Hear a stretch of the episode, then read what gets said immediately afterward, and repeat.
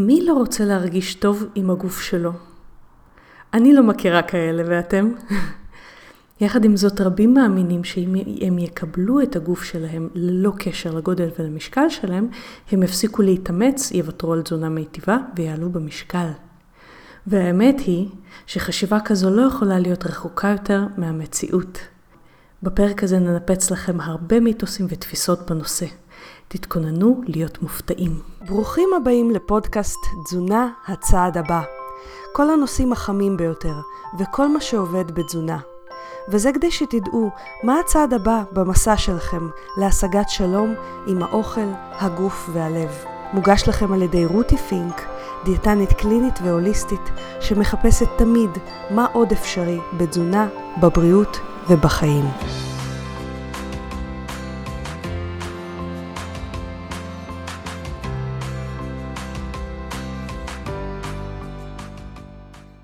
היי חברים, רותי פינק כאן. למי שלא מכיר אותי, אני דיאטנית קלינית, שעד הפרק הקודם של הפודקאסט הגדירה את עצמה כעוזרת לאנשים לאזן משקל וסוכר בעזרת תזונה דלת פחמימות, קטוגנית, צום לסירוגין וכלים פסיכולוגיים מגוונים. מאז, האמת היא שלפני כמה ימים, הוצאתי בכל המדיות שאני נמצאת בהן בערך את פוסט הפריצה שלי לעולם מעבר לגבולות שהרגשתי שכבר קטנים עליי. אז אני רוצה להתחיל בזה שאשתף אתכם, שמזה שנים רבות אני מטפלת באכילה רגשית. אתם יודעים את זה, אתם מקשיבים לפודקאסט שלי.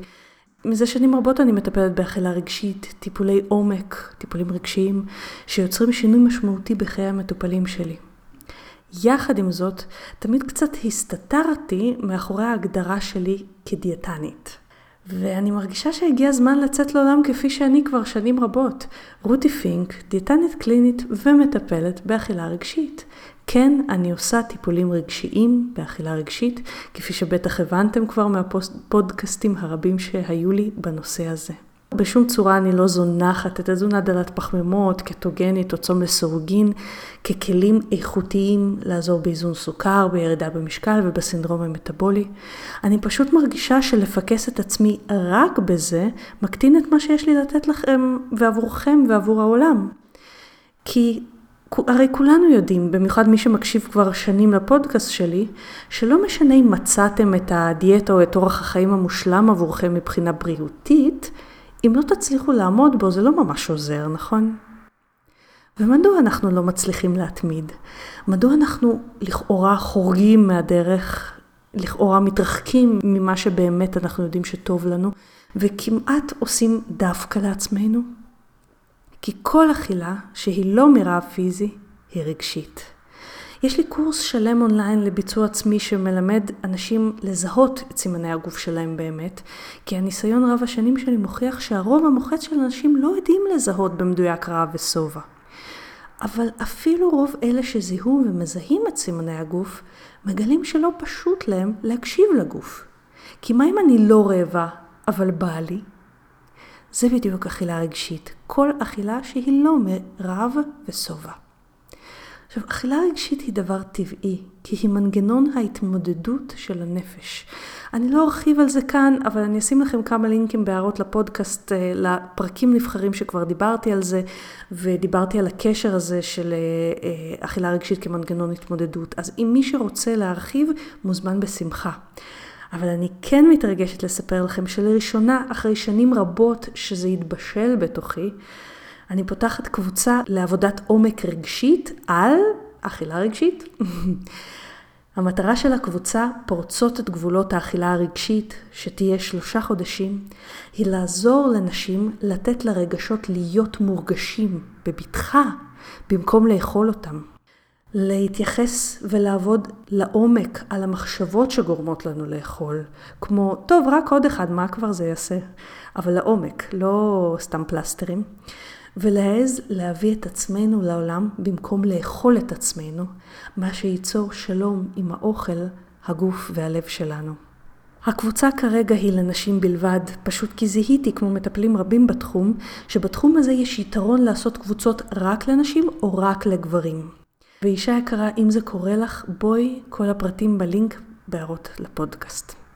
ועכשיו, אחרי ששיתפתי אתכם בהתפתחות המקצועית והאישית שלי, ואתם מבינים שאני וצוות הדיאטנית שלי עוסקות בהרבה יותר מאשר אוכל, אני רוצה לספר לכם על סנדי, אורחת הפודקאסט. סנדי סורני היא דיאטנית קלינית ומטפלת באכילה רגשית, שמאמינה שמגיע לכל אחת מאיתנו לחיות במערכת יחסים מיטיבה עם הגוף שלה. והזמנתי את סנדי משתי סיבות. גם כי היא חברה טובה שלי, וכיף לנו לדבר על דברים שאנחנו באותו ראש עליהם, וגם כי אני אוהבת את הגישה המשחררת והשפויה שלה להתייחס לגוף שלנו, ומרגישה שהיא תתרום רבות לכל מאזיני הפודקאסט. היי סנדי, איזה כיף לארח אותך פה. תודה רבה, כיף להתארח. אז בואי ככה, בואי נתחיל מזה שקצת תספרי איך הגעת בכלל להתעסק עם דימוי גוף. זה כאילו אמנם משהו שמשותף לכל הנשים, אבל את מתעסקת עם זה בצורה מקצועית, כאילו. כן, אז uh, אני אגיד שהרבה לפני ההתעסקות המקצועית, um, זה התחיל מהמקום האישי. Uh, אני לא ידעתי פעם שקוראים לזה דימוי גוף, זאת אומרת לא היו לי המינוחים המקצועיים, אבל היום בראייה לאחור אני יכולה להגיד ש... כל הנושא הזה של נראות ושל התעסקות בגוף זה משהו שמלווה אותי מגילאים מאוד מאוד צעירים, ממש אני זוכרת עצמי אפילו בגילאים של בית ספר יסודי, כבר יש את ההתעסקות הזאת, כבר יש את השיח הזה סביב המראה, סביב המראה הנכון, סביב האם את נראית בסדר או לא בסדר, וזה משהו שהלך איתי לאורך השנים.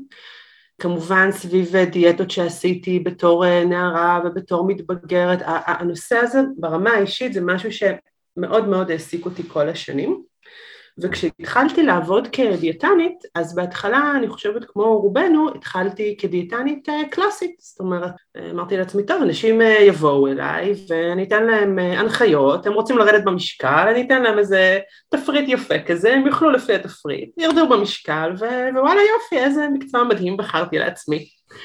ומהר מאוד הבנתי שזה לא באמת עובד ככה. ולקח עוד כמה שנים כדי להבין שבעצם ההרזייה היא לא הפתרון האולטימטיבי לכל הבעיות שלנו. כי עד אז, היום גם זאת גישה שהיא כבר יותר רווחת ויותר מקובלת, ואני מדברת איתך לפני אמ, עשר, אפילו קצת יותר, 12 שנה. זה היה מאוד מהפכני. כן, זה לא היה בשיח הציבורי, פתאום לבוא ולהגיד, רגע, אבל אולי לרדת במשקל זאת לא המטרה הכי גדולה שכולנו צריכים לשאוף אליה, היה שם איזשהו מסר באמת מהפכני ובאמת חתרני, אבל הרגשתי מבפנים שזאת הדרך. כי באמת יש איזו נטייה להתנות את ההצלחה שלנו בכל מיני בתחומים בחיים. בהצלחה שלנו לרדת במשקל, זאת אומרת כשאני ארד במשקל אני אהיה מאושרת, כשאני אהיה במשקל אני אמצא זוגיות, כשאני אהיה במשקל אה, אני אתלבש כך וכך ואני אעשה כל מיני דברים. ובמבחן התוצאה זה לא עובד. היום אני מבינה שבאמת זה לא עובד כי דימוי גוף לא קשור בכלל למשקל שלנו, זה משהו שהוא הרבה הרבה יותר מורכב, אבל משם זה התחיל, מהסדק הזה שנוצר כשראיתי שהירידה במשקל לא באמת פותרת לנו את כל הבעיות בחיים. והבנתי שיש שם משהו שהוא עמוק יותר. אז מה זה הדבר הזה? קודם כל, מה זה בכלל הדימוי גוף? ואז נדבר באמת מה זה העמוק הזה. כי אני גם, אני, גם מהניסיון הקליני שלי, גם מהניסיון האישי שלי, כל כך מתחברת למה שאת אומרת. גם אני חוויתי בדיוק את אותה אכזבה מדיאטות, אבל גם כשאנשים כן ירדו במשקל, הם רצו לרדת עוד. וכשהתחלתי לבדוק איתם, כי מה תקבל אם אתה תרד עוד, היה שם רבדים על רבדים. אז מה זה דימוי גוף בעצם? אז, אז דימוי גוף הוא חלק מהדימוי העצמי שלנו, בעצם דימוי עצמי זה איך אני תופסת את עצמי, יש שם כל מיני מרכיבים, דימוי הגוף במיוחד אצל נשים הוא חלק משמעותי מהדימוי העצמי, אנחנו ממש רואים את זה ברמת המחקר, שאצל נשים הדימוי הגוף תופס אחוז משמעותי יותר בתפיסה שלהן את עצמן, ויש איזו תפיסה שדימוי גוף קשור בעיקר למשקל, חשוב לי להגיד שזה ממש לא נכון, זאת אומרת נכון שמשקל הוא חלק משמעותי בתוך התפיסה הזאת שלנו את עצמנו ואת הגוף שלנו, אבל זה הרבה מעבר, יש פה גם מרכיבים נוספים במראה החיצוני, כן, אנחנו יכולות לדבר על, על קמטים, על שיזוף, על צורה של איברים מסוימים, אבל זה לא רק המראה החיצוני, זאת אומרת זה גם איך אני תופסת את הגוף שלי ככלי, האם אני מרגישה שהגוף שלי חזק? האם אני מרגישה שהגוף שלי מסוגל? האם אני מרגישה אה, שמערכת היחסים שלי עם הגוף שלי היא מערכת יחסים טובה? או שאני תופסת את הגוף שלי כמשהו חלש, אמ, יש הרבה פעמים תחושות של הגוף בוגד בי, הגוף נגדי, גם כן בדיאטות אנחנו רואות את זה המון באיזה מלחמה כזאת, זאת אומרת דימוי גוף זה מעבר למראה החיצוני. לגמרי. ממה הוא בעצם מושפע? מה הדברים שמשפיעים עליו? אז uh, באמת יש הרבה מאוד גורמים שמשפיעים על דימוי הגוף שלנו וחשוב פה להגיד שדימוי גוף זה משהו מאוד מאוד דינמי לא רק בסקייל של uh, תקופות זמן ממושכות אלא אפילו ברמה היומיומית. זאת אומרת נכון שיש לכולנו איזשהו uh, בסיס נכון? יש לי איזשהו דימוי גוף בסיסי שאני חיה איתו אבל על זה כתלות בכל מיני אירועים שקורים לי במהלך היום הדבר הזה יכול להשתנות, אוקיי? אני יכולה לקום בבוקר ולהסתכל על עצמי במראה ולהגיד וואלה אני נראית סבבה ואז אני אוציא מהארון איזשהו ג'ינס ואני אלבש אותו ואני אראה שהוא ככה קצת צפוף וממש מיידית באותו הרגע דימוי הגוף שלי ישתנה ויכולות לעלות מחשבות של וואו, אה, איך עליתי במשקל, אוי מה זה אני לא נראית טוב אה, וכולי. אחר כך אני יכולה להמשיך את היום שלי וללכת לעשות אה, אימון, אוקיי? לעשות ספורט, וספורט זה אחד הדברים שמשפיעים על דימוי הגוף מאוד מאוד לחיוב, אז אני אעשה ספורט ובסיום האימון אני אהיה ממש בתחושת היי, וואו, הגוף שלי חזק, הגוף שלי טוב, הגוף שלי אמ, משרת אותי, הוא מאפשר לי לעשות דברים, אה, ואחר כך אני יכולה להמשיך ואני אקבל איזו הערה אה, לחיוב או לשלילה, וגם זה משפיע. רשתות חברתיות, נאמר על זה כבר כל כך הרבה, אבל נגיד את זה שוב ושוב, הרשתות החברתיות, התוכן שאנחנו חשופים אליו, משפיע על התודעה שלנו, משפיע על התפיסה שלנו, זאת אומרת זה באמת משהו שהוא מורכב מהרבה גורמים, חלקם בשליטתנו וחלקם לא. אוקיי, okay, אז אנחנו יודעות מה זה דימוי גוף, וברור לנו שאנחנו רוצות בעצם דימוי גוף חיובי. מה בדרך כלל עומד בין, את אומרת בעיקר נשים, אני מסכימה, mm-hmm. אבל גם גברים, ישנם, כן, אה, זה, אצלם זה, זה מהניסיון שלי מתבטא קצת אחרת, כי יש קבלה של זה שגבר צריך להיות גדול יותר, אישה חברתית, כאילו אנחנו מצפים שהיא תהיה כמה שיותר קטנה, דקה, כאילו מין מכוך חיצוני כזה, אבל גבר זה מקובל שהוא יהיה גדול יותר, אז אני רואה ש... גברים ככלל סובלים מזה פחות, אבל... אם אנחנו אגב נעשה פה רגע איזשהו זום אאוט, אלה שני הצדדים של אותו המטבע.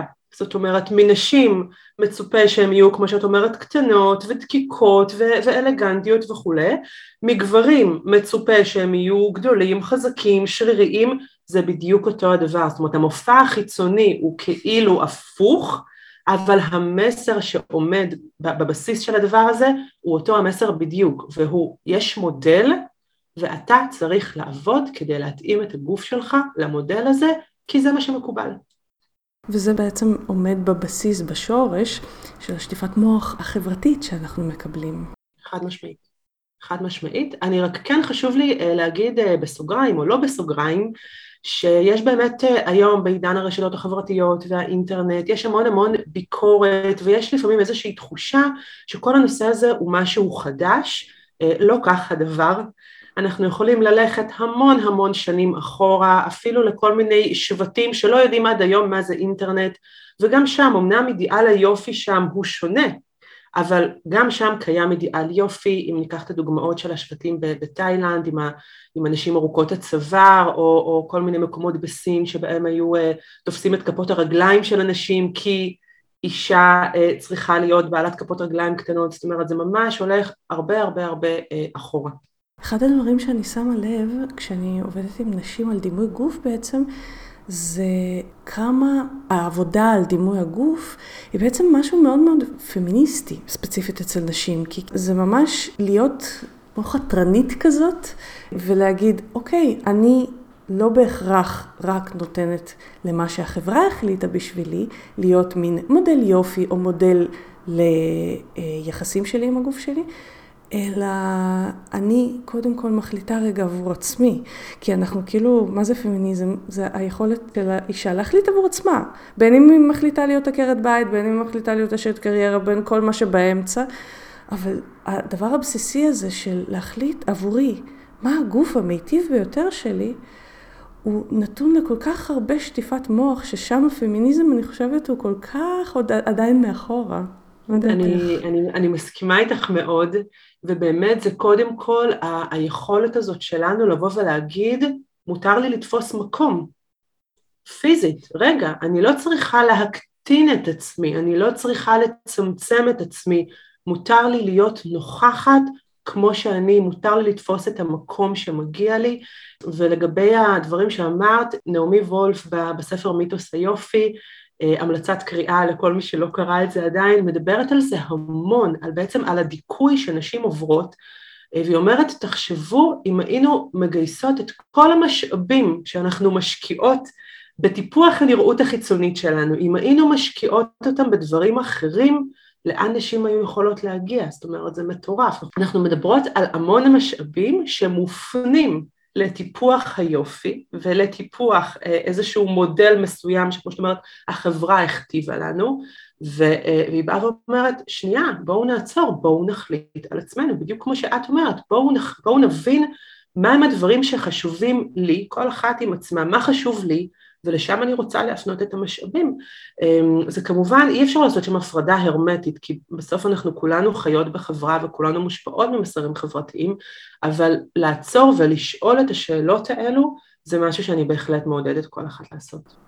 אני נותנת איזה שיעורי בית הרבה פעמים לנשים כשאנחנו עובדות על דימוי גוף, להסתכל במראה במה שאני קוראת לו תודעת מתחיל. זה כאילו תודעה נקייה, כאילו את עב"ם שנחת הרגע בכדור הארץ, קיבל גוף, כאילו אבטאר כזה, ו- ואת מסתכלת עליו כמו לראשונה. כאילו בלי כל התפיסות החברתיות, ו- והרבה נשים חוזרות, וחלק מתחברות יותר, חלק פחות מן הסתם, אבל אלה שמתחברות לתרגיל הזה, הן אומרות, וואו, בעצם גיליתי שנגיד הבטן שלי היא לא בהכרח כזו מגעילה, היא דווקא פלאפית ונעימה, או, או הירכיים שלי, כיף לי לתפוס אותם, הן חמימות. או דברים כאלה. אז מרגש, את, מרגש. זה, זה מרגש בטירוף. אז האוטומט שלנו הוא, הוא באמת להסתכל על מה שלא טוב, על מה שאנחנו לא אוהבות, ואז עם אותו מבט אנחנו מסתכלות על כל השאר. אז אחד התרגילים שאני אוהבת לתת, אני אומרת, אוקיי, עכשיו בשבוע הקרוב, בימים הקרובים, אני רוצה שתסתכלי במראה באופן מכוון על החלקים שאת כן אוהבת. אנחנו לפני כן בקליניקה עושות ממש רשימה ומחלקות את הגוף ככה לאיברים ולאזורים וכל אחת מוצאת את המקומות שהיא כן יותר אוהבת ואני אומרת להם אוקיי, את מסתכלת במראה באופן מכוון את מביאה את המבט לחלקים שאת אוהבת. ואתמול אה, הגיעה אחת המטופלות שלי ואחרי שהיא עשתה את התרגיל הזה ושאלתי אותה איך היה ואז אמרה לי את יודעת? פתאום גיליתי שיש עוד חלקים שאני אוהבת שבכלל לא שמתי לב אליהם. זה כיף. זאת אומרת, הסתכלתי על הדברים ש, ש, שאני יודעת שהם יפים יותר ושאני יותר אוהבת אותם, ובזכות המבט המטיב הזה, וואלה, כמו שממש כמו שאמרת, פתאום שמתי לב שהמותן שלי היא דווקא סבבה. ויש שם ממש איזושהי הפתעה, זאת אומרת, למבט שלנו, לסוג המבט שלנו, יש חשיבות מאוד מאוד גדולה על איך שאנחנו נתפוס את עצמנו. למה בעצם, אני, אנחנו שתינו יודעות את הסיבה, אבל אני רוצה ככה לשתף את המאזינים, למה אנחנו כדיאטניות צריכות לעבוד בכלל על דימוי גוף? למה? כאילו, איך זה משפיע בכלל על האכילה? אני חושבת שזה קשור בקשר ישיר לאכילה מכל מיני כיוונים. אמ, נכון, אפשר אה, להסתכל על הדברים ברמה התזונתית אה, נקייה במרכאות ולהגיד, אה, אוקיי, את דיאטנית, תגידי לי מה לאכול בשביל להשיג את המטרות שאני רוצה להשיג ונגמר הסיפור. אבל אמ, אנחנו יודעות שזה הרבה מעבר. ואני חושבת ש... מה זה אני חושבת? אני רואה את זה, שאיך שאנחנו מסתכלות על הגוף שלנו ואיך שאנחנו מתייחסות לעצמנו ולגוף שלנו, זה משפיע גם על מערכת היחסים שלנו עם האוכל. כשאני נמצאת במקום שבו אני מכבדת את הגוף שלי, שבו אני רוצה להזין את הגוף שלי בצורה טובה, אני יוצאת רגע מהראש הזה של דיאטה וצמצום, ואני נכנסת באמת לאיזשהו מוד אחר שישפיע גם על האכילה שלי. זאת אומרת, אני עכשיו רוצה לבחור לאכול את הארוחה הזאת, כי זה מה שיגרום לי להרגיש טוב. ולא כי זה מותר. בדיוק, זה לא כי זה מותר או אסור, לא כי יש בזה מעט או הרבה קלוריות, לא כי זה בריא או לא בריא, אלא באמת מתוך מקום של חיבור, שזה מה שהגוף שלי הכי צריך עכשיו. אנחנו גם נותנות פה המון מרחב פעולה, כי ברור שמה שאני צריכה עכשיו ביום חמישי בשעה עשר, זה לא מה שאני אצטרך מחר ביום שישי בשעה 12. זאת אומרת, אנחנו נותנות פה לגיטימציה לחיבור הזה, לעומת מצב שבו יש איזשהו תפריט קבוע, ואוקיי, בואי תאכלי א', ב', ג', כי זה מה שכתוב בתפריט וזה מה שדיאטנית אמרה. אחד התענוגות שלי כמטפלת זה שרמת האסורים ומותרים תרד, לא בשביל להתפרע ולאכול עכשיו כל היום ג'אנק פוד, mm-hmm. אלא בשביל להיות מחוברת לגוף, ו- ורצון להיטיב איתו. אגב, אני, אני חושבת שזה נושא בכלל לפודקאסט אחר, אבל עוד משהו שאני שמה לב, תגידי לי, אני מניחה שגם את, שהרצון להיטיב עם הגוף מאוד מאוד קשור לרצון להיטיב עם עצמנו, ושוב, לתפוס מקום, להיות הבעלים כאילו של ה-well-being שלי, של... מותר לי להרגיש טוב, חשוב לי להשקיע בעצמי להרגיש טוב. כלומר, זה משהו הרבה יותר עמוק מאשר רק אני רוצה לרדת במשקל, או אני רוצה להיראות טוב. זה, זה יכול להיות בהחלט חלק מזה, כן? אני כאילו... מסכימה איתך מאוד, ויש פה גם איזשהו אלמנט של להעביר את השליטה למטופל. זאת אומרת, אנחנו יוצאות מהמקום הזה של אני הדיאטנית עם התואר והניסיון והידע ואני אגיד לך מה אתה צריך לעשות, ואנחנו נכנסות לאיזושהי משבצת אחרת, שהיא יחסית חדשה במקצוע שלנו, mm-hmm. אבל היא הרבה יותר מטיבה, ואנחנו בעצם באות ואומרות, יש פה דו-שיח, אני אעזור לך להבין מה הגוף שלך צריך, אני אעזור לך להבין איך לבנות את השגרה שלך בצורה כזאת שתעזור לך להרגיש טוב. עכשיו, אני ממש מסכימה איתך, ירידה במשקל יכולה להיות מטרה טיפולית, אבל בואי נוודא שהיא המטרה הטיפולית הנכונה עבור האדם הספציפי שנמצא מולנו. זאת אומרת, נצא מהמשבצת הזאת של, אוקיי, צריך לרדת במשקל כי ה-BMI שלי הוא X, או אני צריך לרדת במשקל כי כולם צריכים לרדת במשקל וכי זה מה שהחברה פמפמה לי, ונבין מה הערך. עבור כל אחד ואחד בירידה במשקל ועבור חלק מהאנשים אנחנו נגלה שבאמת יש לזה משמעות וזאת מטרה שהיא חשובה ואנחנו נפעל כדי להגיע אליה ועבור אנשים מסוימים אנחנו נבין שזאת בכלל לא המטרה, שהם בעצם יכולים להשיג את כל מה שהם רוצים בלי שום קשר למספר שעל המשקל וזה כשזה קורה זה רגע מאוד מאוד מרגש. זה, זה משהו שהבנתי אחרי זמן מסוים על עצמי. המון שנים רציתי לרדת במשקל. עכשיו, תיאורטית, אני עדיין רוצה, כן? כאילו, למה? כי אני גם מפומפמת חברה, וכאילו, גם, גם אם אתה מודע לזה, זה עדיין משפיע עליך, התפיסה החברתית הרגילה. יחד עם זאת, מעולם לרדת במשקל לא החזיק אצלי מוטיבציה מים יותר משבועיים שלוש. ואני חושבת שהרבה מהמאזינים שלנו התחברו. חלק מזה שכאילו נכנסים לאיזושהי מסגרת, חלק, זה לא הסיבה המרכזית, אבל חלק מזה, הם נכנסים לאיזושהי מסגרת תזונתית, ואז אחרי שבועיים שלוש יורד להם, כאילו המוטיבציה, וזה בכלל לא המסגרת, זה המוט... עצם המוטיבציה. אצלי מעולם ירידה במשקל לא החזיקה מים. מה כן מחזיק מים? אצלי אישית, וכל אחד זה נורא נורא שונה מהניסיון שלי. כן. אצלי אישית בריאות. אני כבר שמונה שנים צמה לסירוגין, זה המון זמן.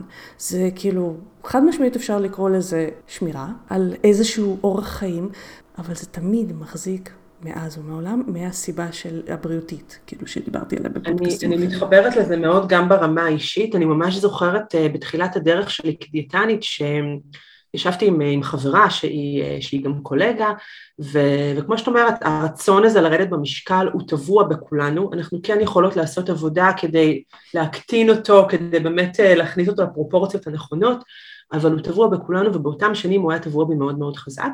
אני זוכרת שישבתי ודיברתי איתה, כאילו ממש חיפשתי, הייתי נואשת למצוא מוטיבציה, כמו שאת אומרת, שתחזיק מעמד ותביא אותי לעשות את השינוי הזה ולהיכנס לעוד דיאטה ולרדת במשקל, וממש אמרתי לה, כאילו יש לי רגשות אשם על זה שאין לי מוטיבציה מספיק חזקה, כי אני מבינה שגם אם אני ארד עכשיו חמישה קילו, שום דבר בחיים שלי לא ישתנה. בדיוק. אני לא אהיה מאושרת יותר, אני לא, אני לא יודעת מה, אחליף מקום עבודה, אני לא אחליף זוגיות, זאת אומרת, יש לי את החיים שלי כמו שהם עכשיו, עם הדברים הטובים שבהם ועם הבעיות שבהם, ובין אם אני ארד או אעלה עכשיו עשרה קילו, שום דבר מהדברים האלו לא ישתנה.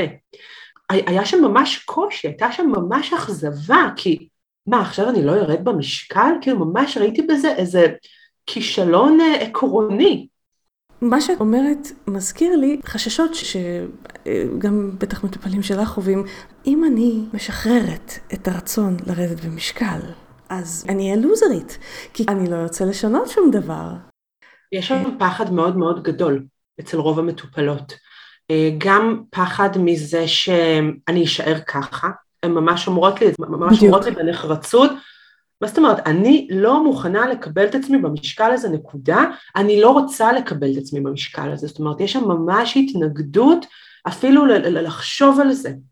ובאמת יש איזשהו פחד שאם אני אקבל את עצמי, אז במקרה הטוב אני אשאר באותו המצב, ובמקרה הגרוע אני עוד אעלה במשקל, אוכל מה שבא לי בלי הפסקה ואני אעלה במשקל. אז לא. לגמרי. זאת באמת, הבחנה חשובה. כשאנחנו מדברות על קבלה, אנחנו מדברות בעצם בהכרה של מצב נתון, ואני מדברת על לגיטימציה, אוקיי? לכל אחד מאיתנו יש גוף, ואני תמיד אומרת, אין החלפות, אין החזרות. זה מה שקיבלנו, זה מה יש, מעתה ועד שהמוות יפריד בינינו. זה ילך וידרדר עם השנים. כן, כן, זה ילך וידרדר, חד משמעית. אז כשאני אומרת קבלה, זה לא אומר שעכשיו אני uh, קמה בבוקר, נעמדת מול המראה ואומרת לעצמי, וואו, הדמות הזאת שמשתקפת פה היא הדבר הכי יפה ביקום, ואיך אלוהים ברא דבר כה נשגב. זה לא זה. קבלה זה לבוא ולהגיד, אוקיי, זה הגוף שלי. זה מה שיש כרגע, ואני רוצה להוציא ממנו את המיטב. אני רוצה לחיות חיים מלאים על פי הערכים שחשובים לי, וכל אחת והערכים שלה, כן? אין פה איזה משהו אבסולוטי, אבל המסר הוא, אני רוצה לחיות בתוך הגוף הזה את החיים המלאים שמגיע לי לחיות. אחרי שהגענו למקום הזה של הקבלה, אין סתירה בין קבלה לבין הרצון לעשות שינוי. זאת אומרת, אני יכולה לבוא ולהגיד, אוקיי, אני עכשיו מקבלת את הגוף שלי, אני עכשיו חיה חיים מלאים כפי שאני רואה לנכון, במקביל אני מבינה שיש דברים שעדיין מפריעים לי ואני רוצה לשנות אותם ואני עובדת בצורה אקטיבית כדי להביא שם לשינוי. אבל שוב, כמו שאמרנו לפני כן, אני רוצה שהמוטיבציה פה תהיה מוטיבציה פנימית אמיתית, לא כי צריך, לא כי רק כשאני אהיה רזה אני אוכל, אה, לא יודעת מה, לצאת לדייטים, ללכת לים, ללבוש שמלות וכולי, אלא אני רוצה לעשות שינוי כי באמת אם אני אצליח לרדת במשקל, החיים שלי בתחום X ישתפרו. זאת אומרת, אנחנו רוצות לעשות את השינוי מתוך תפיסה שהיא אחרת, לא מתוך התנגדות. לגמרי, אני עולה למחשבה על מטופלת יקרה שלי, שבמקור היא באה אליי כדי לרדת במשקל. אבל זה לא החזיק מים. אנחנו יודעות שבחלק ניכר הרצון לרדת במשקל, כמו שאמרנו, לא מחזיק מים.